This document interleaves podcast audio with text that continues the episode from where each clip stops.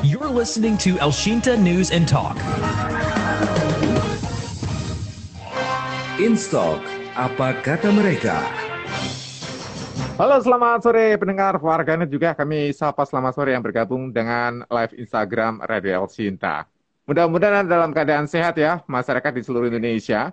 Tahukah Anda bahwa hari ini 10 Desember diperingati sebagai Hari Hak Asasi Sedunia, Hak Asasi Manusia Sedunia.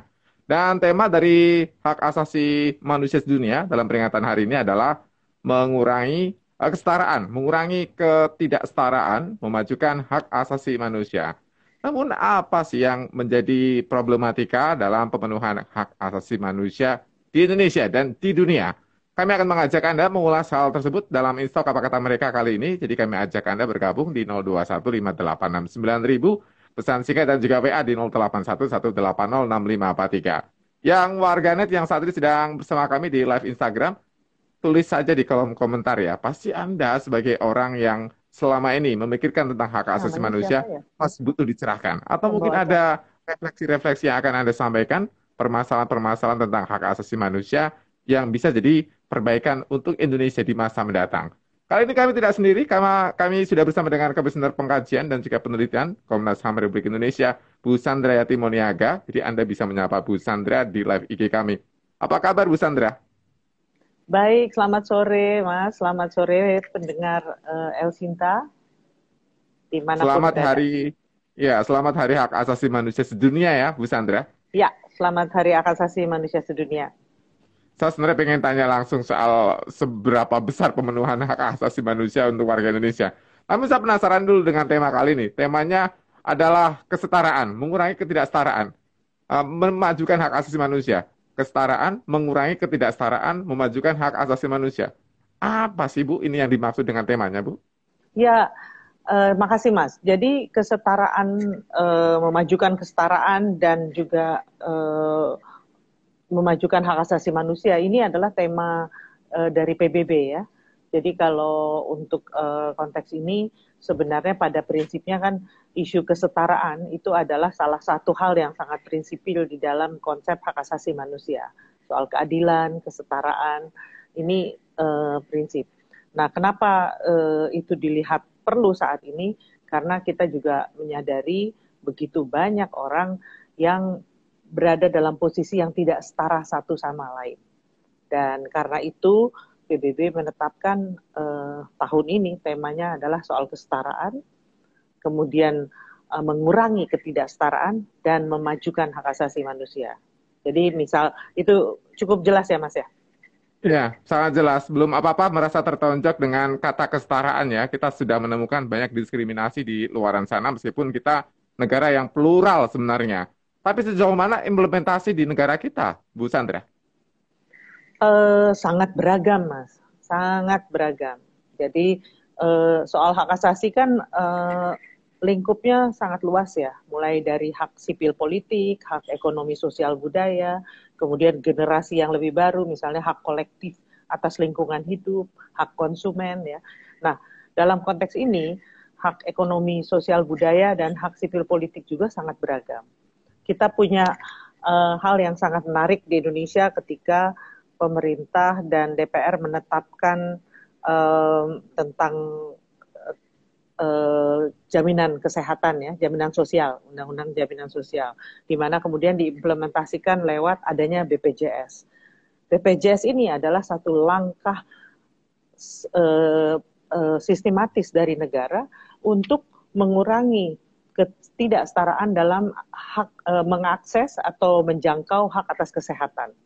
Kemudian soal hak pendidikan, begitu banyak orang tidak bisa sekolah, tapi kemudian pemerintah mencoba membuat berbagai cara dengan membuat misalnya Indonesia Pintar, kartu Indonesia Pintar, kemudian e, bebas e, sekolah, biaya sekolah sampai umur berapa. Nah ini adalah upaya afirmatif untuk bisa memastikan adanya kesetaraan untuk memperoleh hak atas pendidikan. Kita juga tahu untuk eh, teman-teman penyandang disabilitas yang selama ini puluhan tahun mengalami diskriminasi, mengalami posisi tidak setara. Dan pada tahun 2016 eh, ditetapkanlah undang-undang penyandang disabilitas yang menetapkan mereka punya posisi setara juga. Kemudian ditindaklanjuti dengan banyak hal. Jadi ada situasi yang demikian. Tetapi, tetapi realitanya memang masih ada diskriminasi, masih ada ketidaksetaraan. Itu adalah uh, realita yang kita hadapi. Gitu, Contoh realita yang kami sangat... dapatkan adalah kasus terakhir Bu Sandra. Di Kalimantan Utara, tiga kakak beradik yang tidak naik kelas selama tiga tahun berturut-turut hanya karena soal keyakinannya. Nah, yang seperti ini apakah praktek umum yang kita temukan, Bu Sandra? Uh, ada uh, praktek seperti itu, tapi tidak cukup, tidak terlalu banyak. Namun uh, persoalan hak asasi manusia, apakah menimpa satu orang atau menimpa puluhan orang itu tetap persoalan hak asasi manusia. Jadi soal yang dialami di Kaltara itu semestinya tidak terjadi. Karena kita semua tahu eh, kebebasan beragama dan berkeyakinan itu dijamin dalam undang-undang, dijamin dalam konstitusi kita, bahkan masuk kategori hak yang tidak dapat dikurangi. Hak melekat ya, kalau kita dulu pernah belajar hak asasi manusia di pelajaran-pelajaran IPS adalah hak dasar yang dikaruniakan oleh Tuhan kepada seluruh masyarakat ada seluruh orang di dunia, termasuk yang di Indonesia. Jadi kalau kita dihilangkan artinya menyalahi uh, kodrat Tuhan gitu ya, benar ya Bu Sandra? Betul. Luar biasa. Nah, yang di Kalimantan Utara itu menunjukkan apa dalam parameter kebijakan kita sudah lengkap, tapi dalam uh, di masyarakat kok masih ada ketidakmengertian tentang hak asasi manusia, Bu? Menunjukkan apa sebenarnya? Ya, jadi bukan hanya di masyarakat, di kalangan aparat negara juga banyak yang kurang paham. Jadi misalnya eh, polisi itu punya peraturan Kapolri tentang penghormatan hak asasi manusia misalnya dalam uh, kerja-kerjanya. Tapi kan kita tahu masih banyak pelanggaran hak asasi manusia. Demikian juga dengan uh, guru. Kasus yang di Kaltara jelas, tapi juga kita tahu berapa banyak uh, berita beberapa hari terakhir guru-guru Eh, di sekolah biasa ataupun di pesantren yang kemudian melakukan kekerasan seksual kepada murid-muridnya. Itu juga pelanggaran hak asasi manusia ya. Tapi uh, bukan berarti itu diamini atau dibenarkan di negara ini itu semua salah. Jadi uh, apa yang terjadi di Kaltara tentunya harus ditindaklanjuti segera. Kementerian Pendidikan dan Kebudayaan harus bergerak dan juga pihak-pihak uh, berwajib lainnya juga harus uh, segera bergerak dan tentunya uh, sang ketiga anak tersebut harus dipulihkan hak-haknya. Yang kita lihat ya kalau di media massa nih Bu Sandra, seolah-olah ketika ada penindakan hukum seperti berlawanan dengan arah hak asasi manusia. Yang benar yang mana? Hak asasi manusia terlalu berlebihan atau penindakan hukumnya yang tidak sesuai dengan falsafah dari hak asasi manusia, Bu Sandra? Saya rasa gini, Mas uh, kita nggak bisa pukul rata. Ada banyak putusan-putusan yang menghormati hak asasi manusia. Contoh, uh, beberapa tahun lalu ada keputusan tentang uh, kebakaran hutan di Kalimantan, tentang asap. Masih ingat itu? Yeah. Dan itu yeah. hakim sampai ke Mahkamah Agung menetapkan bahwa memang ada kelalaian dari pemerintah yang melakukan pembiaran kelambatan dalam merespons kebakaran hutan sehingga mengakibatkan kematian puluhan orang dan putusan itu sudah inkrah. Ada lagi putusan misalnya yang membatalkan satu izin tambang di Sulawesi Utara karena diberikan di pulau kecil ya. Jadi kalau pulau kecil kan sebenarnya nggak boleh ditambang ya. Nah di situ warga setempat menolak dan menggugat dan mereka menang. Jadi ada Benar. mas putusan-putusan yang yang baik. Kemudian kita tahu juga beberapa waktu lalu polisi misalnya uh, mencoba melakukan langkah-langkah restoratif justice misalnya untuk hal-hal yang memang uh, tidak terlalu uh, besar kasusnya misalnya. Jadi diupayakan seperti itu.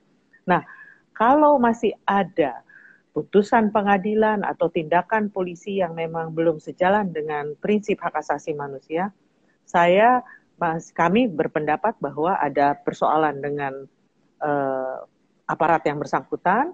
Yang kedua, memang mungkin di lembaganya aspek pengawasan belum berkembang dengan baik. Kenapa saya bilang begitu? Karena hak asasi manusia itu sudah diakui dalam undang-undang dasar kita. Artinya, seperti diketahui semua, Undang-Undang Dasar itu kan adalah hukum tertinggi di negara ini. Dan Indonesia adalah negara hukum. Artinya semua peraturan perundangan di bawah Undang-Undang Dasar ya harus taat pada Undang-Undang Dasar. Dan artinya semua aparat negara harus menjalankan aturan yang memang sudah ditetapkan. Dan dalam Undang-Undang Dasar dinyatakan jelas bahwa kewajiban menghormati, melindungi, memenuhi hak asasi manusia adalah kewajiban negara, utamanya pemerintah. Itu dalam konstitusi. Ya, Bu Sandra, ya, sembilan uh, instrumen pokok dalam hak asasi manusia, delapan di antaranya sudah diratifikasi dan dijadikan ya. peraturan di Indonesia. Instrumen terakhir belum nampaknya Bu Sandra. Instrumen ini berkaitan dengan kebebasan berekspresi. Benar demikian, Bu Sandra? Uh, kayaknya bukan kebebasan berekspresi deh, Mas. Yang terakhir tuh soal buruh migran kalau nggak salah. Nah, buruh migran ini, uh, kenapa buruh ya, migran ya. Uh, belum uh, diverifikasi kita, Bu Sandra? Enggak, sudah. Indonesia sudah ratifikasi.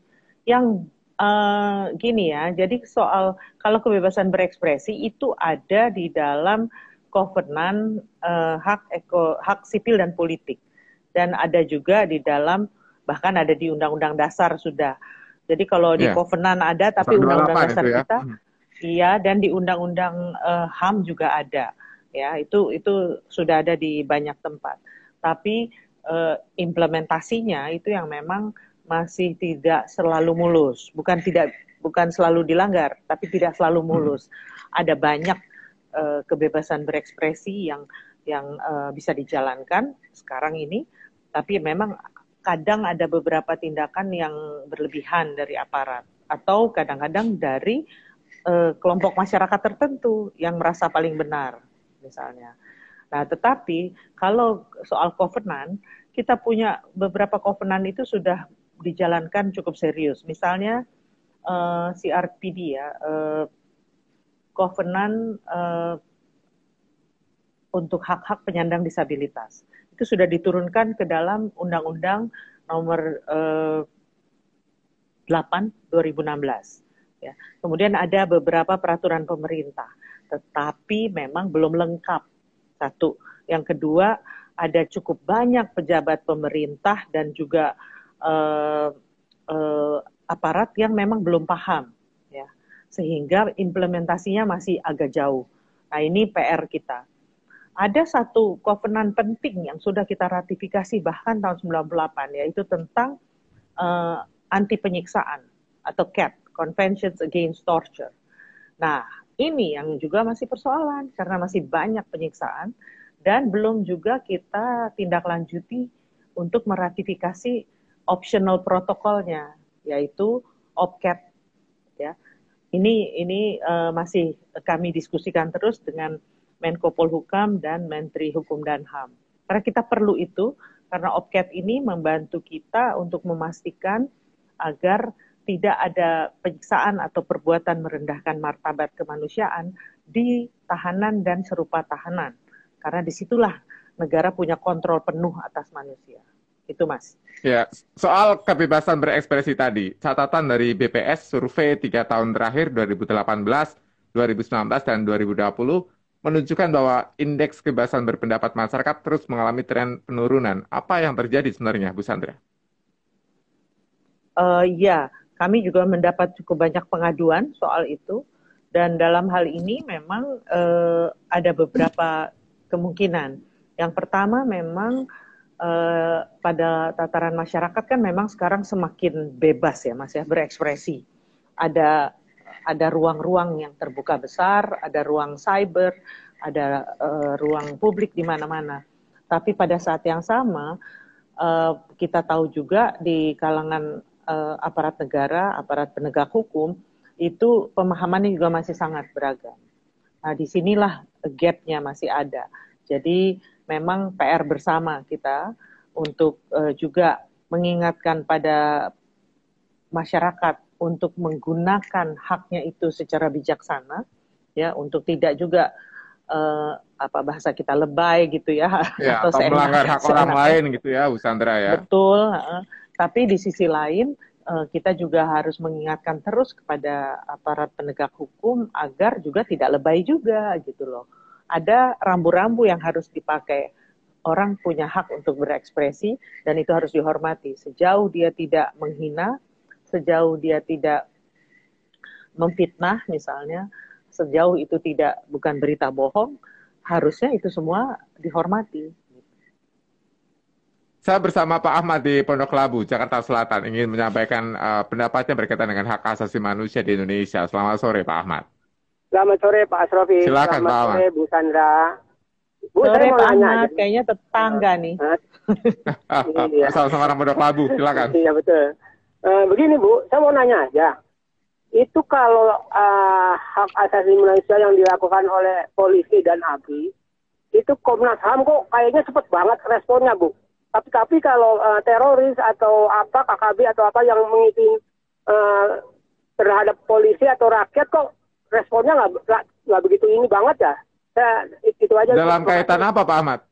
Ya kaitan hak asasi manusia itu kan, Pak. Oke, baik. Kami Oh, catat oke. ya, nanti pertanyaan yang dijawab. Ditahan dulu, kami tabung dulu ya, Bu Sandra. Ada Pak Robert di Cipondoh, ditampung, Tangerang. oke. Selamat sore, Pak Robert. Selamat sore, Bu Ya, Sandra. Silakan, Pak Robert. Iya, Sore Pak Robert. Ah, iya Bu. Eh, pertanyaan saya, apabila hukuman mati di Indonesia dilaksanakan, apakah berlawanan dengan hak asasi manusia? Usulan saya sudah sering di Radio El Sinta ini. Kalau memang itu melanggar hak asasi manusia, bagaimana dengan potong tangan satu, potong kaki satu, tungkil mata satu. Karena itu sesuai dengan kitab suci kita juga. Matius 18 ayat 8 dan 9. Eh, supaya ada efek jerah kepada pelaku kejahatan. Khususnya yang korupsi. Supaya semua orang yang menyaksikan akan malu keluarganya, akan takut juga kita yang me- melihat itu. Karena kita hidup untuk berbuat baik dan benar, tujuan hidup kita ke surga. Lebih baik dengan eh, tidak tidak utuh anggota tubuhnya, tapi bertobat dan ke surga daripada semua utuh tubuhnya tidak bertobat dicampakkan ke neraka. Terima kasih. Baik, terima kasih Pak Robert ya. Ini menarik nih, hukum positif dan juga hukuman mati. Apa pendapat Komnas HAM? Tapi tadi soal Pak Ahmad di Pondok Labu juga tidak kalah menarik sebenarnya. Apakah ada kesan itu bahwa Komnas HAM agak garang kalau berhubungan dengan penindakan aparat hukum kepada masyarakat? Kalau dibalik bagaimana, Bu Sandra? Baik, makasih. Makasih banyak Pak Ahmad. Jadi gini, eh, seperti saya ingatkan tadi, eh, konsep hak asasi manusia itu pengampu eh, kewajiban itu memang ada pada negara, ya. Pengampu hak ada pada warga. Eh, negara itu terutama pemerintah itu secara eksplisit dinyatakan dalam Undang-Undang Dasar. Jadi kalau Bapak baca Undang-Undang Dasar, Bapak baca juga Undang-Undang HAM, bahkan juga segala dokumen HAM di PBB, memang kewajiban-kewajiban itu ada pada negara. Nah, untuk apa ada Komnas HAM? Komnas HAM dibentuk pada tahun 93 awalnya dengan Kepres, kemudian tahun 99 dengan Undang-Undang uh, HAM ya, Undang-Undang 39 tahun 99. Fungsinya adalah memastikan adanya situasi kondusif untuk pemajuan dan penegakan HAM berdasarkan Pancasila, Undang-Undang Dasar, Deklarasi Umum HAM, dan peraturan perundangan HAM lainnya. Nah, artinya apa? Artinya kami memang tugasnya mengawasi negara. Kami adalah lembaga negara independen yang ditugaskan memastikan agar negara menghormati, melindungi, dan memenuhi hak asasi manusia. Kalau yang Bapak tanya tadi misalnya teroris atau apa, itu tugasnya polisi. Polisi yang bertugas menangani mereka, karena itu adalah tindak pidana. Nah, kalau polisi tidak menjalankan tugasnya, itu yang kami tegur polisinya. Ya, Kami bekerja sama nih. berbicara gitu ya. Mhm. Betul, kami bekerja sama dengan polisi. Nah, tapi bagaimana penanganannya agar sesuai prinsip-prinsip HAM juga, ya. Nah, pertanyaan ini nyambung dengan pertanyaan Pak Robert, Mas. Boleh saya langsung jawab ya? Ya, boleh silakan, Ter- silakan. terkait juga dengan eh, hak hukuman mati. hak hidup adalah hak yang tidak dapat dikurangi. Itu sangat jelas dalam Undang-Undang Dasar 45, dalam Deklarasi Umum HAM, dalam hak sipil uh, politik ya, kovenan tentang hak sipil politik dan banyak peraturan perundangan lainnya. Hak hidup itu adalah ya hak hidup, kita berhak hidup. Kenapa hukuman mati itu tidak bisa diterima lagi dalam konsep hak asasi manusia? Karena satu hak hidup yang tidak dapat dikurangi, yang kedua tidak semua orang menikmati kesetaraan di muka hukum. Tidak semua orang punya posisi yang sama di muka hukum saat ini. Meskipun haknya sama, belum tentu kondisinya sama. Nah, dalam konteks ini kita tahu begitu banyak atau sering kali terjadi putusan itu salah bahkan ada error in persona atau salah sasaran. Kalau orang sudah dihukum mati, bagaimana? Dia kan nggak bisa dihidupkan kembali kalau yeah, ternyata salah. Nah, kalau uh, soal cukil dan apa putus tangan apa segala. Ya, tadi potong itu, tangan katanya gitu ya. Hmm. Betul, itu juga bagian dari penyiksaan dan kekerasan dan perbuatan merendahkan martabat. Ini juga hak yang nggak boleh dikurangi, Mas. Pak Robert, mohon maaf. Eh, kita tahu bahwa semua agama meyakini setiap orang adalah ciptaan Tuhan yang harus dihormati, harus dihargai martabatnya. Karena itu kalau ada penghukuman, sifatnya tidak boleh balas dendam. Penghukuman itu harus membuat jerah dan harus memastikan tidak berulangnya kejadian. Bapak mungkin dengar para pemirsa juga uh, mengetahui begitu banyak hukuman yang cukup kejam tapi pada kenyataannya tindak pidana itu berjalan terus. Contohnya soal perkosaan, soal penyiksaan, soal kekerasan seksual saat ini. Kurang apa hukuman yang ada, tetapi tetap terjadi karena memang tidak ada hubungannya itu antara hukuman yang sadis dengan pengurangan uh, tindak pidana tersebut. Jadi ini yang yang uh, coba ada cukup Tapi banyak ada ada ada perspektif itu. seperti ini, Bu Sandra uh, ya, HAM ini silakan. justru membatasi uh, penjeraan ke masyarakat karena dikit-dikit dilindungi. Padahal seharusnya penjahat kan harus diberikan hukuman. HAM mereka nggak dapat hukuman. Ada perspektif kayak gitu. Nah yang benar kayak gimana? Enggak juga lah Mas. Kan hukuman itu macam-macam. Hukuman yang yang juga cukup berhasil di banyak negara adalah pemiskinan. Buat apa kalau dia misalnya hanya tanda kutip di dihukum apa, tapi ternyata dia tetap kaya, hartanya nggak disita kalau untuk koruptor. Justru yang banyak berhasil di banyak negara adalah penyitaan hartanya semuanya. Jadi dimiskinkan. Nah, jadi kita ini sebagai makhluk ciptaan Tuhan juga harus cukup uh, kritis ya, cukup cerdas, menggali hal-hal yang betul-betul membuat jerah. Bagaimana kita mencari uh, uh, celah-celah dari hukum kita tetap menghormati dia sebagai manusia, dia berhak hidup, dia juga punya keluarga, tetapi di satu sisi kita nggak mau dia korupsi lagi misalnya. Kita nggak mau itu terjadi. Nah ini yang yang harus kita pikirkan, pasti ada jalan lah. Ya, tapi kan belum uh, difasilitasi di undang-undang kita tuh Bu pemiskinan, perampasan aset dan sebagainya. Oh bisa? Ada bisa. sebagian, kan ya, ada, tapi kan belum terfasilitasi ada. sepenuhnya. Uh, saya rasa yang Anda maksud mungkin hakim yang belum menggunakan kewenangannya. That's Karena right. kan itu tinggal... itu Bu, kenapa? Jadi hakimnya belum mengerti itu? Saya rasa uh, hakim mestinya ngerti ya. Tapi mungkin memang perlu diajak dialog lagi untuk memikirkan secara bersama. Coba di ada satu evaluasi uh, para terpidana korupsi misalnya. Bagaimana? Apakah setelah keluar mereka tetap kaya raya, misalnya dulu kan pernah ada tuh terpidana korupsi bisa yeah. sewa rumah di sebelah sel misalnya di dekat LP. Betul, ini jadi pertimbangan kita ya. Nah ini catatan menarik, catatan kita tidak pernah ganti dari uh, rezim ke rezim yang lainnya. Masih ada uh, catatan kejahatan HAM berat yang terjadi dan belum terselesaikan hingga saat ini. Apa yang harus dilakukan oleh semua pihak? Karena bukan hanya pemerintah yang bisa melakukan sendiri tapi juga kita semua juga harus membantu untuk bisa menyelesaikan itu. Apa Bu Sandra? Ya eh, yang pasti memang eh, mari pahami bersama karakter dari yang namanya pelanggaran HAM berat sebenarnya eh, itu kan disebutnya kalau di dalam bahasa aslinya gross violation of human right atau pelanggaran berat HAM dan uh, dalam uh, aspek hukum pidana internasional disebut sebagai international crime. Karenanya dia memang harus uh, dia dilihat sebagai satu tindak pidana yang sangat serius yang yang setiap orang anggota PBB itu juga menyadari itu persoalan yang memang harus mendapat hukuman penanganan sebaiknya.